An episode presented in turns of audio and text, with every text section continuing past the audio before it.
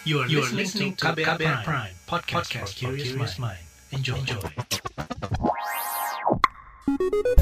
Saatnya Anda dengarkan Ruang Publik KBR yang dipersembahkan oleh Kementerian Komunikasi dan Informatika Republik Indonesia.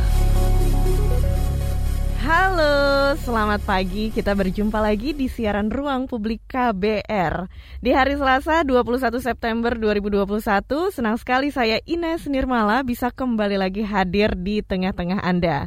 Dan yang kita bahas adalah kolaborasi tangguh lawan COVID-19 dengan memakai masker dan vaksinasi. Siaran hari ini juga dipersembahkan oleh KPCPEN dan Kominfo. Saat ini sejumlah daerah di Jawa dan Bali masih dalam status pemberlakuan pembatasan kegiatan masyarakat atau PPKM dan kita sebagai masyarakat juga terus diingatkan bahwa pandemi COVID-19 ini belum selesai.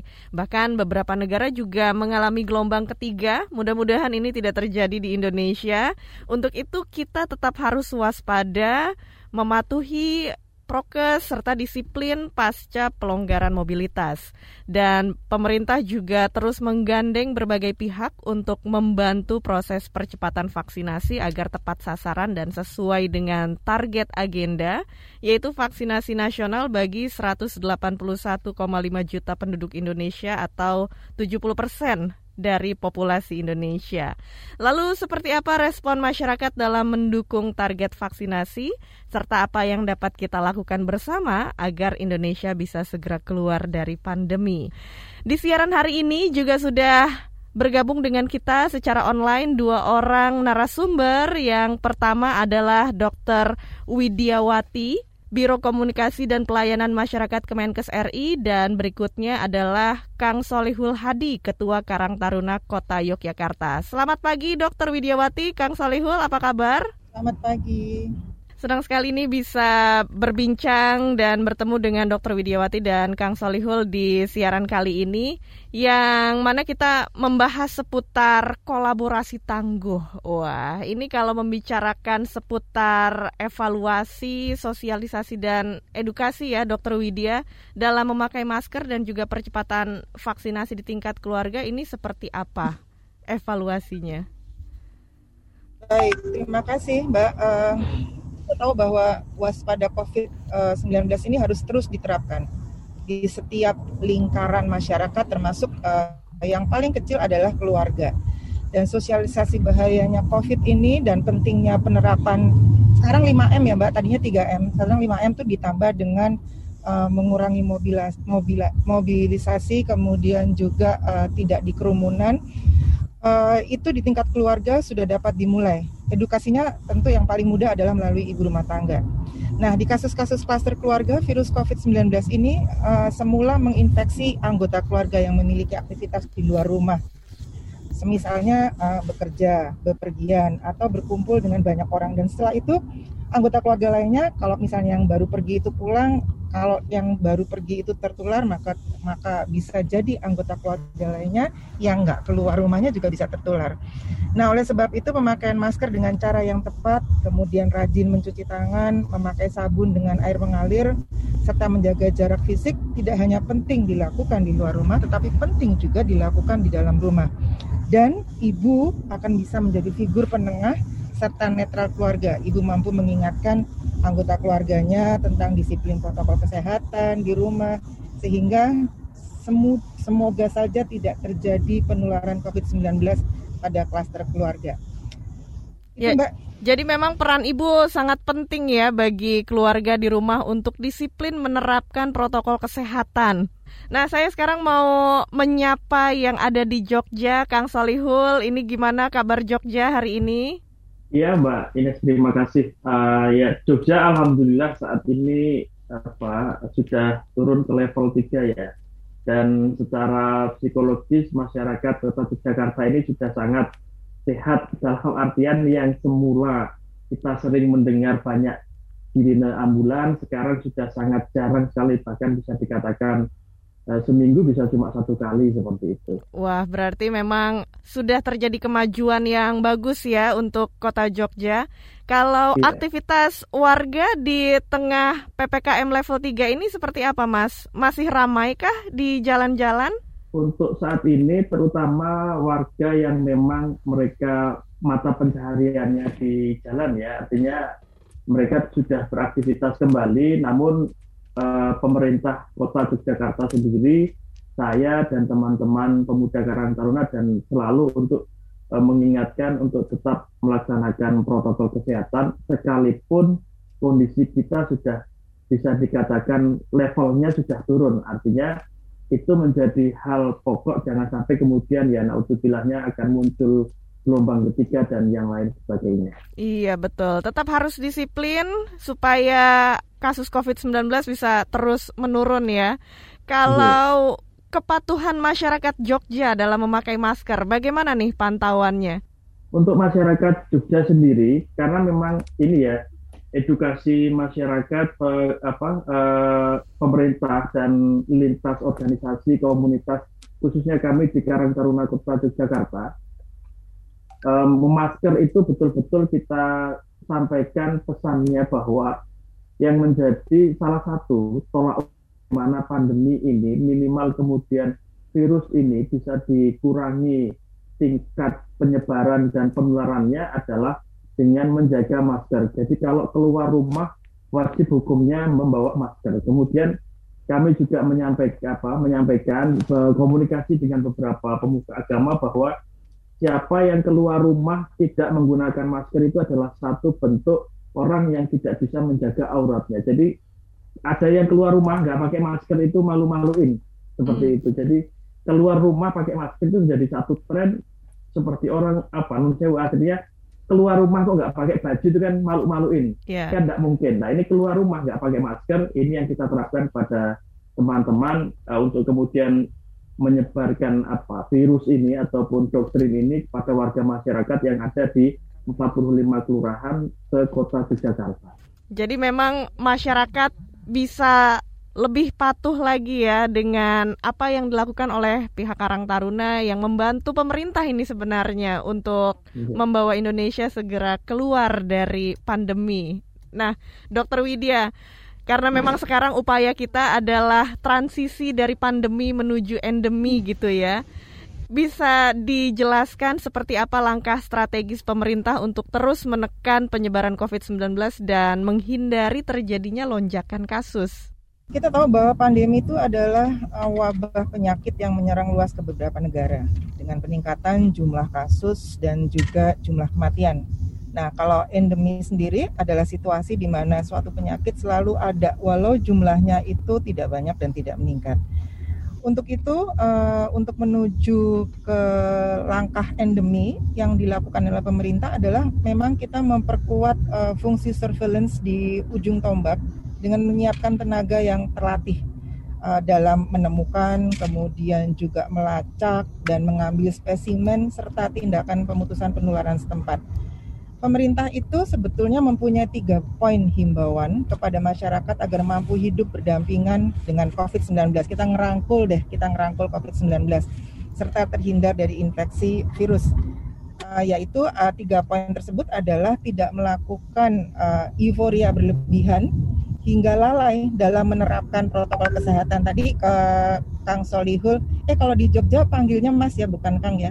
Tadi Mas Solihul mengatakan bahwa uh, kalau nggak pakai masker tuh nggak nutup aurat. Nah, yaitu sepertinya bahwa kalau memang uh, himbauan-himbauan seperti itu bahwa kalau udah divaksin tuh jangan terus nggak uh, pakai masker karena vaksin itu bukan bukan Superman ya kita jadi Superman maksudnya vaksin itu hanya mengurangi uh, tingkat keparahan. Jadi jangan terlalu euforia kalau sudah divaksin dua kali vaksin sehingga meninggalkan yang namanya protokol kesehatan.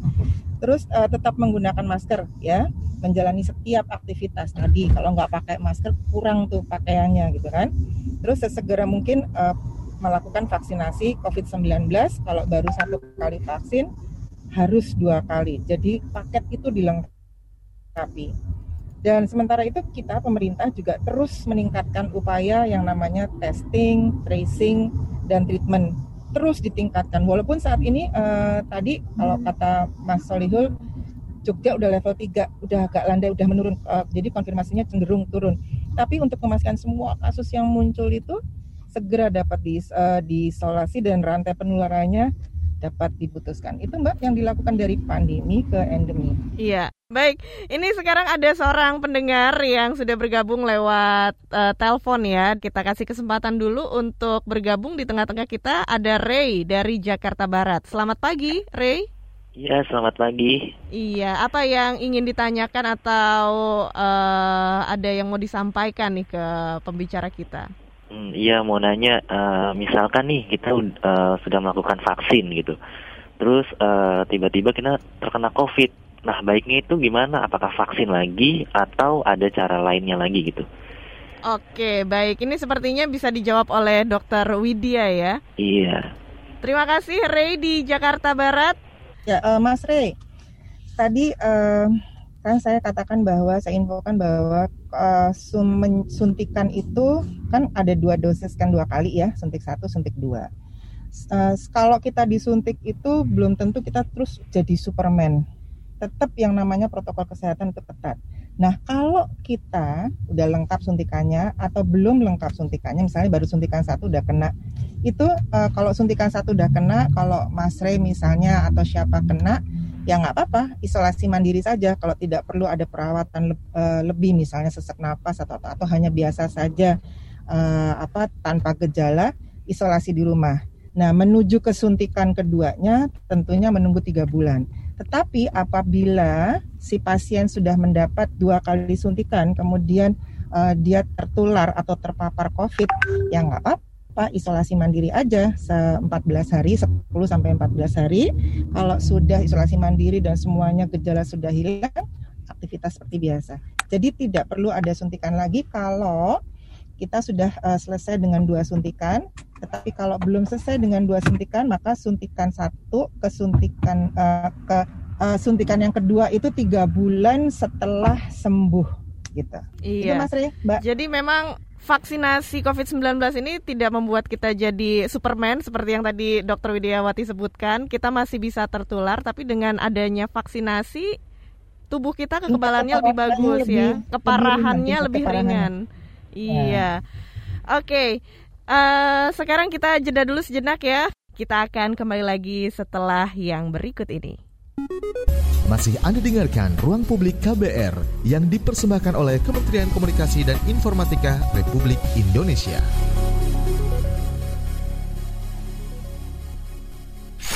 Commercial break. Commercial break.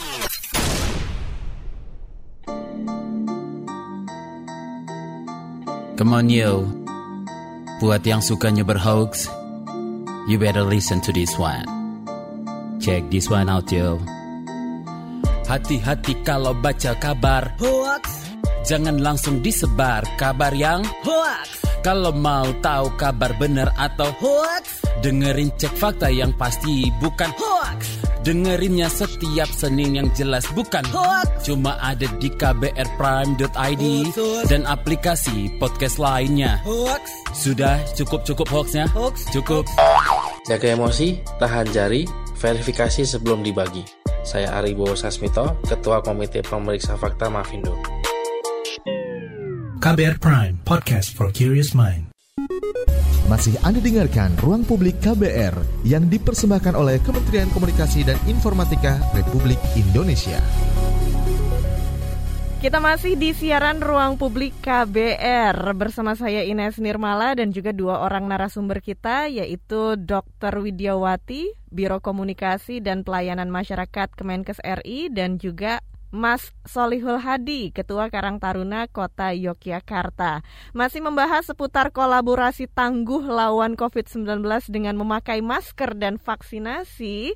Ini sekarang saya mau ngobrol lagi sama Mas Solihul yang ada di Jogja. Seputar PPKM, Mas, kegiatan saling bantu apa saja yang dilakukan oleh Karang Taruna Kota Yogyakarta. Ini sepertinya menarik sekali untuk kita bahas bersama. Iya, ini uh, Mbak Ines. Uh, jadi kami awal bergerak itu adalah waktu awal 2020 yaitu kami sudah uh, mengumpulkan teman-teman pengurus dan beberapa perwakilan Karang Taruna Kelurahan dan Forum Komunikasi Kecamatan, kami merumuskan uh, beberapa poin yang itu bahkan program kerja yang seharusnya kami laksanakan di dalam masa-masa pandemi yang uh, itu sudah terprogram, akhirnya kami geser dulu, kami lebih memprioritaskan kaitannya dengan program-program yang memang bisa membantu untuk uh, menurunkan tingkat penularan dan membantu pencegahannya. Jadi yang pertama dulu kami melakukan awal itu ya penyemprotan disinfektan. Ini kami lakukan di beberapa titik eh, tempat yang zonanya memang merah, kemudian tempat-tempat fasilitas umum, tempat ibadah, panti-panti jompo, panti weda dan lain sebagainya. Kemudian berikutnya kami melakukan ini pembagian sembako melalui teman-teman yang ada di 45 kelurahan untuk masyarakat Kota Yogyakarta. Kemudian di gelombang kedua ini, nah ini memang yang agak banyak. Kami ngepus teman-teman untuk kemudian tergabung membentuk satu tim tim kubur cepat kalau di Jogja namanya. Ini teman-teman mulai dari Pak Misa itu pulang itu nanti bisa menjelang subuh. Berangkat lagi nanti siang, pulang sampai maghrib. Cuman dibagi per tim ya, karena satu hari hanya satu tim. Nah kemudian itu sudah selesai, muncul lagi kemudian kaitannya dengan tim relawan ini karena vaksinasi di Jogja ini kan memang sedang kita gencar-gencarkan betul. Kita bentuk tim vaksinasi, teman-teman Karang Taruna itu kerjasama dengan uh, Dinas Kominfo dan Sandi dari pemerintah kota. Ini teman-teman melakukan vaksinasi terhadap uh, warga kota Yogyakarta itu sudah lebih dari 5.000 warga sampai dengan hari ini yang khusus dari Karang Taruna itu yeah. nah kemudian muncul lagi yang terakhir itu uh, ini apa uh, tim pemulasaraan wanita di beberapa rumah sakit itu kekurangan tim pemulasaraan ini. Akhirnya kami membentuk yang kami namakan Sri Kandi Kota Jogja itu adalah uh, tim pemulasaraan khusus untuk wanita. Ini di apa uh, kerjasamanya dengan beberapa rumah sakit nah itu di antaranya yang kami lakukan nah untuk terakhir ini kami juga berpikir ini kan kondisi pandemi ya, ekonomi masyarakat itu sangat-sangat apa uh, dalam ya. ya terpuruk, memprihatinkan.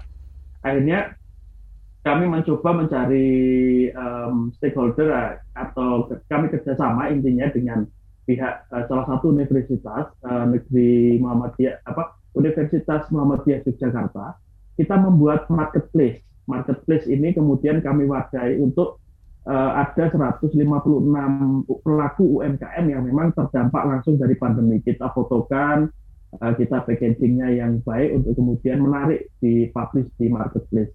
Dan hari ini kami menghimpun uh, warga ataupun yang terdampak itu khususnya pelaku UMKM di satu grup dan ini perputarannya terus. Jadi saling uh, ada kadang barter, kadang juga saling beli. Jadi yang jual misalnya nih yang jual soto siapa, yang jual ayam siapa, yang jual kerajinan siapa, dan kita selalu menyampaikan bahwa jangan cari keluar kalau sebelum di Karang Taruna uh, di apa UMKM ini dapat gitu. Jadi kalau mau beli misalnya mau beli sate, jangan beli sate di luar, cari dulu di sini. Kalau di sini ada di sini aja. Mau beli apa namanya uh, yang lainnya souvenir tanya di sini dulu. Kalau di sini nggak ada baru beli keluar. Dan hmm, alhamdulillah gitu. itu perputarannya bagus. Yeah. marketplace untuk UMKM ini di mana? Apakah online atau online iya.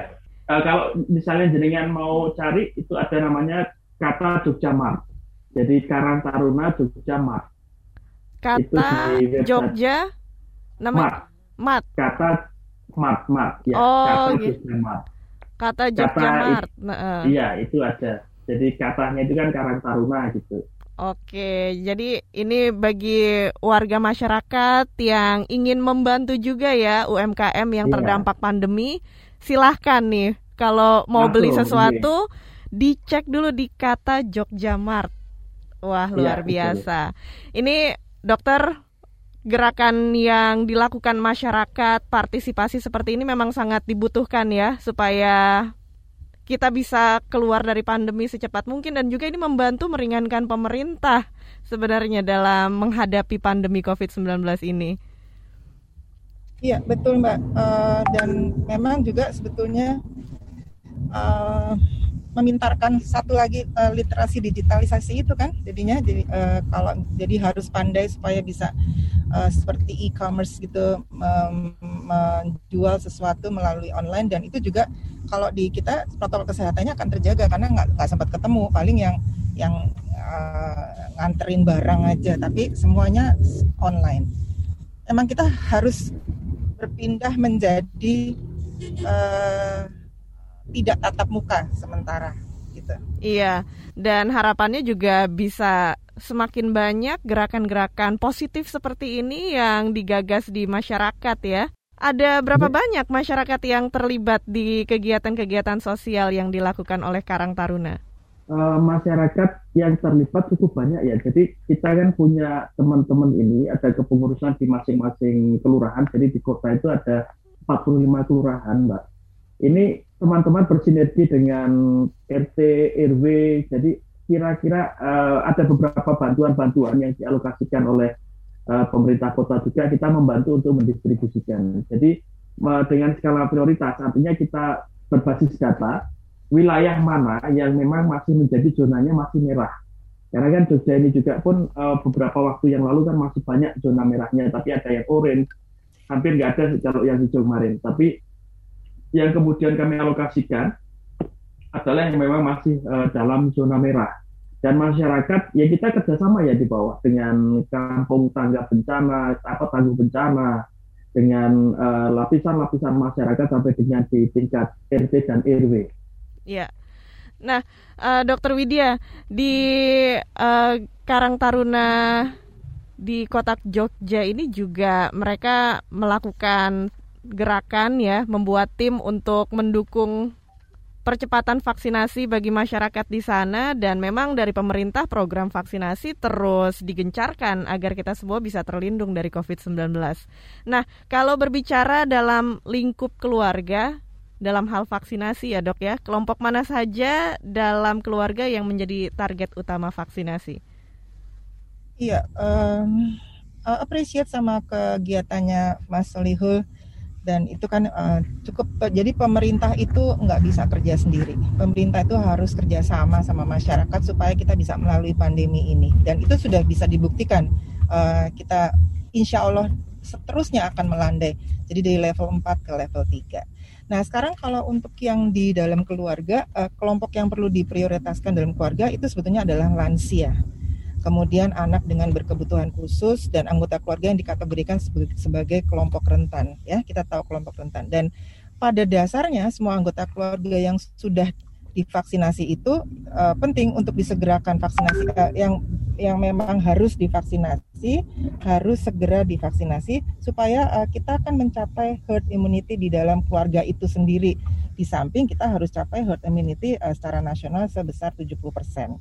Nah, keluarga menjadi pintu pertama memang uh, untuk menekankan pentingnya vaksinasi karena kedekatannya dibandingkan dengan orang lain itu akan meningkatkan pentingnya vaksinasi. Jadi uh, nomor satu adalah kita selalu bermain dari kelompok kecil dulu. Kelompok kecil itu adalah uh, yang namanya keluarga. Dari keluarga itu kita uh, membuat keluarga kita sehat, kemudian kita gaungkan uh, ke tetangga, gaungkan lagi ke tetangga, maka dalam kelompok yang agak lebih besar lagi akan timbul komunitas yang sudah tervaksin. Misalnya kayak uh, uh, Mas Solihul, di situ ada kelompok Karang Taruna. Karang Taruna kan punya keluarga nih, misalnya Mas Solihul punya keluarga di rumahnya dulu diselesaikan. Kemudian Mas Solihul uh, dengan teman-teman ke tetangga, kemudian nyambung nyambung nyambung nyambung, akhirnya uh, rumah di dekat Mas Solihul itu uh, sudah semuanya tervaksinasi. Ada herd immunity di dalam kelompok kecil itu sendiri. Gitu, Mbak. Iya, jadi memang yang paling penting adalah dari keluarga dalam melindungi kita semua dari COVID-19 ya. Dokter Widya dan Mas Solihul, sekarang kita jeda dulu sejenak. Kita akan kembali lagi ke ruang publik KBR setelah yang berikut ini. Masih Anda dengarkan Ruang Publik KBR yang dipersembahkan oleh Kementerian Komunikasi dan Informatika Republik Indonesia. Kembali lagi di siaran Ruang Publik KBR yang masih membahas seputar kolaborasi tangguh lawan COVID-19 dengan memakai masker dan vaksinasi. Siaran hari ini juga dipersembahkan oleh KPCPEN dan Kominfo bersama dengan dua orang narasumber kita yaitu Dr. Widiawati, Biro Komunikasi dan Pelayanan Masyarakat dari Kemenkes RI serta Mas Solihul Hadi, Ketua Karang Taruna Kota Yogyakarta. Ini semakin menarik ya perbincangan kita seputar kedisiplinan dan juga apa yang dilakukan masyarakat khususnya di Jogja ini ya yang dilakukan oleh Karang Taruna yang terus bergerak untuk membantu pemerintah dalam menangani pandemi COVID-19. Baik, ini saya sekarang uh, mau ke Mas Olihul lagi karena menarik sekali membicarakan apa yang dilakukan masyarakat dalam berkolaborasi untuk melawan COVID-19. Ada nggak sih Mas Olihul tantangan yang dihadapi dalam menyelenggarakan kegiatan-kegiatan tersebut bisa diceritakan mungkin tantangan atau kendalanya seperti apa?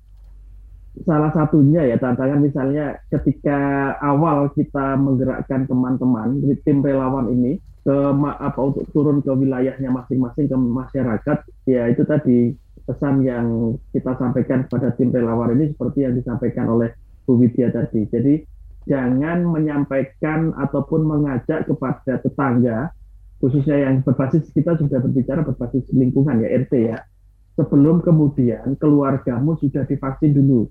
Jadi jangan sampai nanti dibalik keluarganya harus divaksin kok wis ngejak-ngejak uang kon vaksin. Keluargamu saja belum divaksin kok sudah ngajak orang lain untuk divaksin. Nah ini yang kami tanamkan untuk teman-teman relawan. Nah di antaranya ada yang menggelitik juga sih beberapa beberapa ya tidak semua ya nah, presentasinya kecil juga sih. Jadi masyarakat ini balik, Mas ini Karang Taruna merintah-merintah suruh ada ojek vaksin, suruh warganya ikut vaksin, nanti dek warganya mati sekarang taruna tanggung jawab enggak wah yeah. kan ini? Iya iya iya iya. Aduh serem banget itu. Iya. Jadi sampai sampai seperti itu. Ini engkau apa nanti kalau sampai uh, open kan katanya ya yang menyebar di informasi di masyarakat itu kan okay. uh, eh, Astra AstraZeneca misalnya. AstraZeneca itu kalau vaksinnya bisa kelenger mas bisa sampai opnam itu nanti sampai opnam karena Taruna tanggung jawab waduh kita ya pusing juga. Nah ini beberapa permasalahan yang muncul di lapangan lah. Akhirnya kami berdiskusi terkait dengan apa yang bisa dilakukan. Kayak khususnya muncul uh, orang-orang yang anti vaksin itu. Akhirnya uh, kami mengambil beberapa gambar uh, pada saat proses vaksinasi itu orang tua lansia uh, dan kami menceritakan ketika muncul pertanyaan yang sama ini loh lansia ya divaksin rapopo ini ada lansia ya biasa-biasa saja ya kalau misalnya kemudian setelah divaksin ada uh, gejala dan lain sebagainya ya tolong diikuti saja istirahat dan minum obat kan dikasih paracetamol dari apa dari nakes-nakes itu pada saat vaksin. Nah ini hal-hal yang menjadi apa namanya uh, kendala kami di lapangan. Nah seperti uh, ada juga tim kubur cepat eh, teman-teman yang tergabung di tim kubur cepat itu itu yang anu ada ada juga yang kemudian menolak apa uh, mas nggak anu nggak jangan nakut nakutin toh biasa biasa aja. Orang meninggal itu ya selama ini biasa kok sekarang pakai pakaian kayak gitu nakut nakutin nah ini teman-teman karena teman-teman relawan ya karena kita anak-anak muda ya ya agak ini juga kan apa uh, secara psikologis kan kena juga. Tapi ya karena memang kita selalu berkomunikasi ketika ada masalah di lapangan ya kami menjawab bahwa uh, kami ini hanya ditugaskan oleh organisasi kami ini hanya membantu pemerintah untuk melakukan proses pemakaman terkait dengan bagaimana uh, si pasien itu terjangkit COVID bagaimana kemudian ini kok menakutkan ini sudah menjadi standar operasional yang harus kita patuhi Artinya ini bagian dari upaya kami itu yang kemudian dijelaskan oleh teman-teman di lapangan untuk menjawab beberapa hal yang menjadi permasalahan. Ya. Itu, nah itu mbak. Jadi memang dari pihak Karang Taruna pun terus melakukan edukasi kepada masyarakat sekitar, khususnya tadi ya untuk melawan ya. hoax yang beredar seputar vaksin, seputar COVID-19 gitu ya. Iya, ya sampai kami mencari fatwa-fatwa ya bacanya fatwa, fatwa kan ya secara mayoritas uh, muslim kan begitu ya. Tapi juga dengan uh, apa pemuka agama yang lain. Kami minta fatwanya artinya fatwa itu yang kemudian kami bawa nih kepada masyarakat yang menjadi permasalahan vaksin itu apa?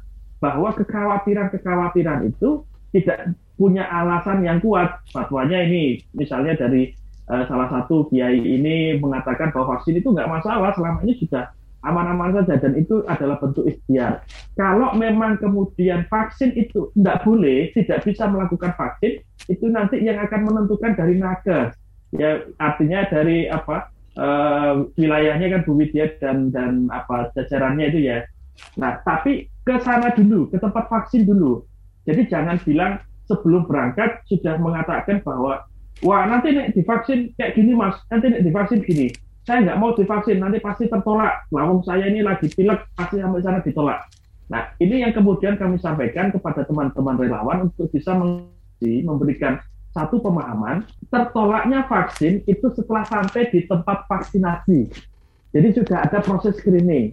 Nah, ketika nanti pada saat proses screening, nah tertolak, nah itu baru tertolak. Nah, kalau kemudian belum berangkat tapi sudah mengatakan wah saya pasti ditolak. Nah itu kan hanya kekhawatiran kena hoax itu tadi. Iya. Nah, itu beberapa permasalahan di lapangan. Baik, jadi memang ada pendekatan-pendekatan yang perlu dilakukan kepada masyarakat sebagai solusi ya dari hmm. apa yang masyarakat misalnya ada penolakan, ada keraguan, kekhawatiran, itu perlu dilakukan pendekatan juga ya Mas sebagai solusinya. Oke. Okay. Sekarang saya mau ke Dr. Widya. Ini ada pertanyaan juga dari pendengar kita yang bergabung lewat live chat YouTube. Pertanyaan dari Wikan. Bagaimana dengan penggunaan masker ganda? Apakah masih penting? Masyarakat sekarang umumnya sudah mulai longgar lagi gitu, apalagi ketika uh, level ppkm-nya diturunkan. Apakah masih penting, dokter, untuk pakai masker ganda? Bisa dijelaskan? Iya, uh, pemakaian masker nomor satu seperti tadi uh, uh, saya infokan bahwa itu penting. Nomor satu kita keluar rumah harus pakai masker dan kalau misalnya berkegiatan juga harus pakai masker. Pemakaian masker ganda juga ada ininya apa namanya ada caranya. Jadi uh, kalau pemakaian masker ganda sebaiknya tidak dua-duanya itu adalah masker bedah, tetapi yang seperti kita selalu uh, apa namanya uh, infokan bahwa pemakaian masker ganda yang di dalamnya adalah masker bedah. Setelah itu yang di luarnya adalah uh, masker apa namanya? masker kain.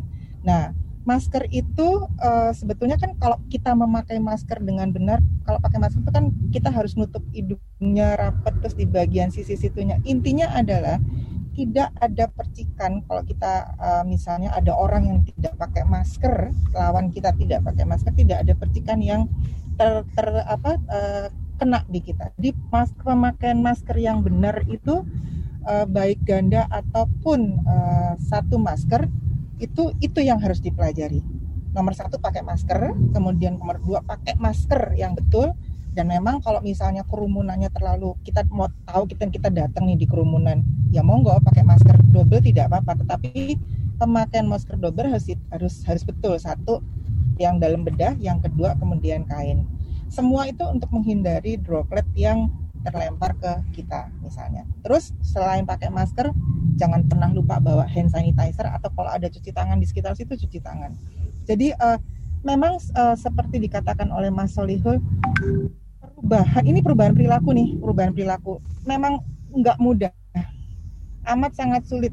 Para sukarelawan ini kayak Mas Solihul itu udah ancur-ancuran ya mas ya istilahnya ya uh, buat ngasih tahu ke mana? Ke masyarakat. Tetapi okay. memang kalau perubahan perilaku itu sudah ditempel dikena di kita maka itu akan menjadi kebiasaan mereka. Jadi kalau misalnya tadi seperti Mas Solihul uh, katakan nek orang nganggo masker ki auratnya ora lengkap gitu kan misalnya gitu kan. Nah jadi kita kita sendiri akan merasa kalau mau keluar oh iya belum pakai masker, bajuku belum lengkap nih gitu. Nah itu adalah sebuah perilaku yang sudah nyantel di dirinya si masyarakat itu sehingga uh, itu kalau dia nggak melakukan itu dia agak aneh gitu, perisih gitu ya ceritanya. Jadi perubahan perilaku pemberdayaan yang dilakukan oleh para relawan ini nggak mudah karena perubahan perilaku nggak kayak ngebalikin telapak tangan. Tapi apabila dari yang tengkurap jadi gini, maka ini akan langgeng untuk dia. Kayak misalnya dulu program cuci tangan itu eh, nggak uh, mudah. Kita ini pemerintah melakukan uh, sosialisasi program cuci tangan tuh sampai tiga tahunan, dua tiga tahun. Cuci tangan tuh susah banget. Tapi sekarang mungkin waktu itu juga sudah ada beberapa ya kebiasaan cuci tangan tapi sekarang pandemi ini program itu akan lebih nyopot lagi lebih nyantel lagi jadi perilaku itu memang kita nggak boleh bosen untuk selalu mensosialisasikan 5M itu karena kalau udah nyantel maka dirinya sendiri akan merasa tidak nyaman apabila tidak dia tidak melengkapi yang yang harusnya dilakukan. Pakai masker cuci tangan uh, kemudian jaga jarak. Itu udah, udah sekarang udah kelihatan nih kalau orang udah agak kerumun-kerumun kita bisa lihat di beberapa tempat. Mas uh, uh, Solihu juga akan lihat orang dengan sendirinya akan dia mundur gitu kan ya dia agak menjauh gitu itu udah kelihatan tuh nah itu perubahan perilaku sebuah pemberdayaan pemberdayaan itu sampai kita mati ya terus ngono. Iya. Gitu betul. Dokter ini juga masyarakat dan kita semua harus selalu ingat bahwa kita sekarang hidup di zaman yang berbeda nih masa pandemi sekarang ya. ya. Makanya perilaku kita pun harus dirubah menyesuaikan dengan masa pandemi ini. Tentu saja untuk perlindungan dan keamanan kita sendiri. Baik, kita akan jeda dulu sejenak dan saya ingatkan Anda juga untuk dapatkan informasi-informasi yang valid ya, bebas hoax dan juga sangat edukatif seputar kesehatan. Anda bisa follow akun Instagram dan TikTok at mulai dari kamu underscore ID. Kita akan kembali lagi setelah yang berikut ini. Masih Anda dengarkan Ruang Publik KBR yang dipersembahkan oleh Kementerian Komunikasi dan Informatika Republik Indonesia. Commercial break. Commercial break.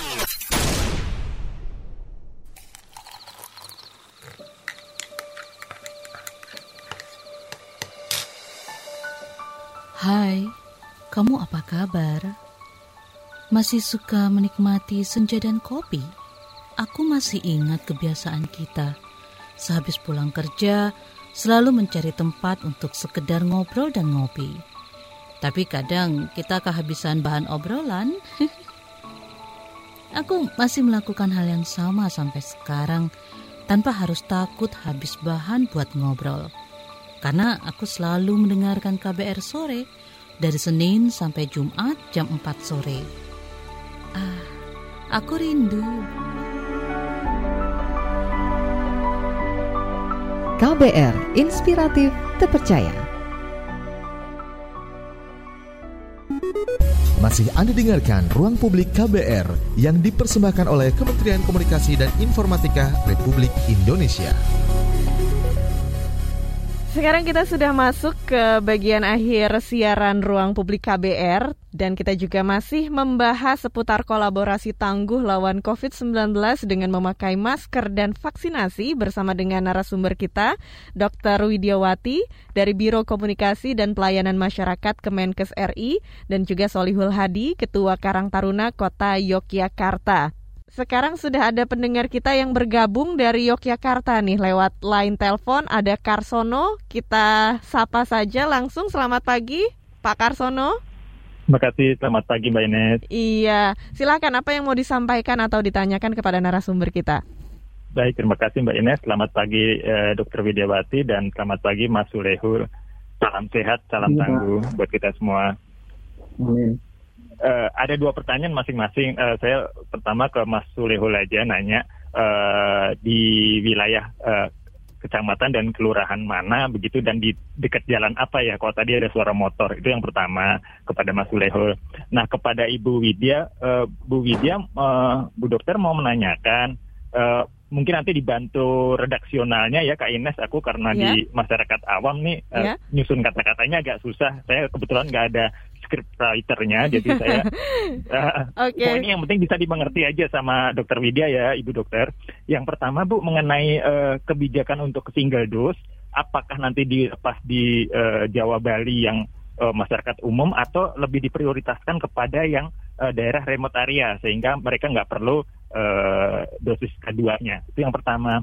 Yang kedua uh, sedikit mengenai uh, beberapa jenis vaksin yang peruntukan prioritasnya awalnya kan untuk uh, uh, uh, uh, kelompok uh, apa komorbid, bumil begitu ya, dan juga karena problem uh, rantai dingin yang minus 70 derajat. Uh, nah itu uh, kenapa di satu sisi agak diperketat sana, tapi kemudian juga dilepaskan kepada uh, undangan untuk uh, umum yang di uh, layanan publik di sentra vaksinasi begitu. Jadi masyarakat agak bingung kok jadi akhirnya dilepas juga sih padahal kan prioritasnya untuk mereka-mereka. Pertanyaan terakhir ketiga adalah uh, kadang ada beberapa orang jadi milih-milih menu eh, bukan menu ya, Milih, jenis vaksinnya yeah. karena uh, ke, ke main tinggi-tinggian mana yang paling tinggi nilai efekasinya dan juga main cari-carian yang mana yang paling lama titer antibody di dalam tubuh yang entah 3, 4 atau 6 bulan.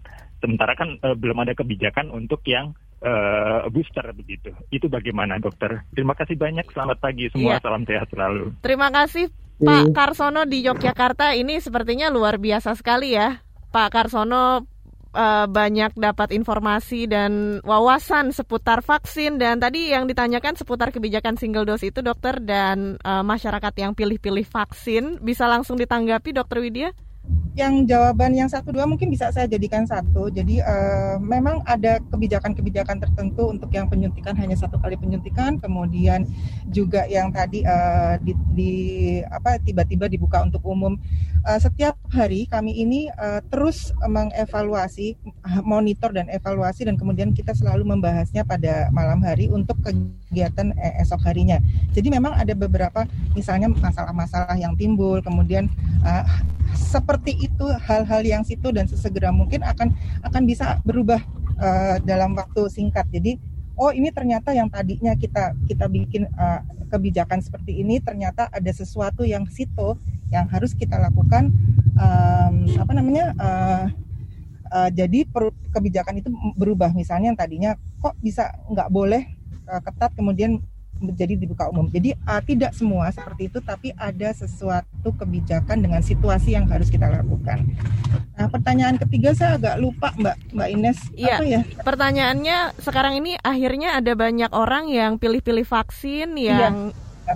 yang bikin antibodi lebih lama kuat atau efikasinya lebih tinggi. Ini bagaimana, dokter? Ya, jadi uh, uh, dari kami, dari kami pemerintah, uh, Kemenkes terutama, selalu mendengungkan baik saya uh, atau uh, jubir kami, Ibu Nadia, selalu mendengungkan berkali-kali bahwa tidak usah pilih-pilih vaksin.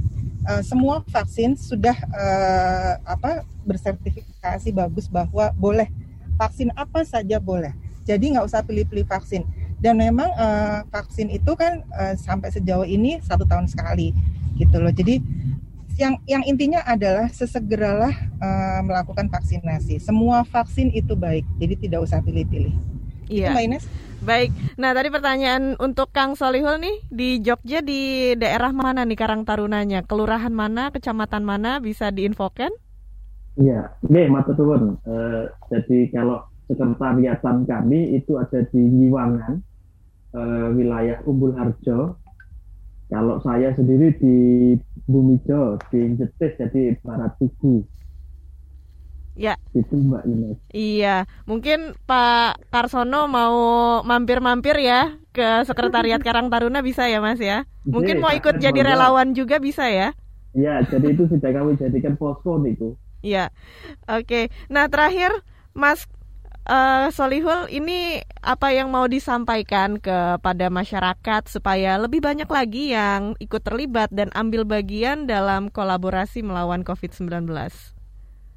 Oke, matur Jadi berkaitan dengan kondisi hari ini, itu solusinya cuma satu, yaitu kita saling bahu membahu, saling membantu dan penyelesaian masalah pandemi COVID ini tidak hanya bisa diselesaikan oleh salah satu lembaga, instansi ataupun hanya pemerintah saja.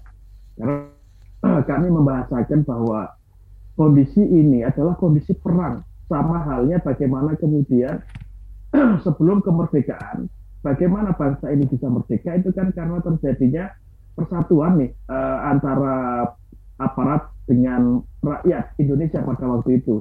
Tentara bersatu dengan rakyat Indonesia akhirnya meraih kemenangan. Nah sama dengan hal ini, pemerintah nggak bisa menyelesaikan sendiri, harus bersatu uh, bahu membahu dengan masyarakat dan ujung tombaknya ada di masyarakat.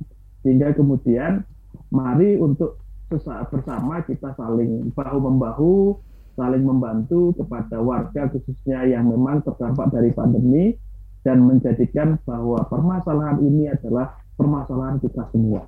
Dan selesainya ini semua juga berkat dari usaha kita semua. Bukan salah satu, tapi bagian dari semua itu menjadi bagian dari keluarga. Iya. Itu Mbak Ines. Baik. Dan Dokter Widiawati terakhir apa yang mau disampaikan saran atau harapan untuk pendengar kita ya di mana sekarang aktivitas atau kegiatan sosial sudah banyak dilakukan di luar rumah apa yang mau disampaikan dokter? Ya, Mbak Ines, sebetulnya saat ini kita harus sekali lagi membiasakan hidup berdampingan dengan pandemi atau yang biasa kita sebut uh, new normal. Dan untuk itu kita harus terlalu patuh pada kebiasaan-kebiasaan untuk hidup bersih dan sehat, untuk selalu cuci tangan, pakai sabun di air mengalir minimal 20 detik, pakai masker jika keluar rumah, hindari kerumunan dan juga jaga jarak fisik. Dan basis perubahan kehidupan normal yang ada pada keluarga itu penting. Oleh karena itu keluarga itu harus bisa memberikan teladan agar bisa menerapkan kehidupan normal yang baru. Tadi saya bilang pemberdayaan kalau sudah ada pasti akan langgeng. Dan inilah yang saya katakan sebagai bagian dari norma hidup yang baru. Kita akan masuk pada era normal yang baru sekali lagi. Satu-satunya cara ya untuk mengendalikan COVID-19 itu. Dan pemerintah tidak bisa bekerja sendiri. Pemerintah harus bekerja sama dengan masyarakat. Dan sekali lagi, uh, vaksin itu bukan bikin kita jadi Superman, tetapi harus lakukan vaksin supaya uh, tingkat keparahan apabila terpapar uh, tidak akan lebih menjadi lebih parah dan uh, perketat protokol kesehatan selalu walaupun sudah divaksin. Jadi segera vaksin dan perketat protokol kesehatan. Mudah-mudahan pandemi uh, menjadi landai dan kita uh, bisa hidup sehat kembali. Iya, Terima dan kasih. juga supaya Indonesia dan kita semua bisa bersama-sama keluar dari pandemi COVID-19 ya. Tentu saja kita hmm. sebagai bagian masyarakat dari keluarga juga harus turut membantu untuk melawan menangani pandemi COVID-19 ini karena pemerintah tidak bisa bergerak sendirian tentunya. Saya ucapkan terima kasih banyak Dr. Widiawati dan juga Mas Solihul atas kehadirannya dan bincang-bincang di ruang publik KBR hari ini. Semoga sukses selalu. Dan Anda juga bisa dapatkan informasi yang akurat seputar edukasi kesehatan yang dikemas menarik di akun Instagram dan TikTok. Bisa di follow at mulai dari kamu.id dan karena waktu yang terbatas kita akhiri dulu perbincangan kita hari ini. Ayo pakai masker ayo cepat vaksin saya Ines Nirmala undur diri salam Baru saja Anda dengarkan Ruang Publik KBR yang dipersembahkan oleh Kementerian Komunikasi dan Informatika Republik Indonesia.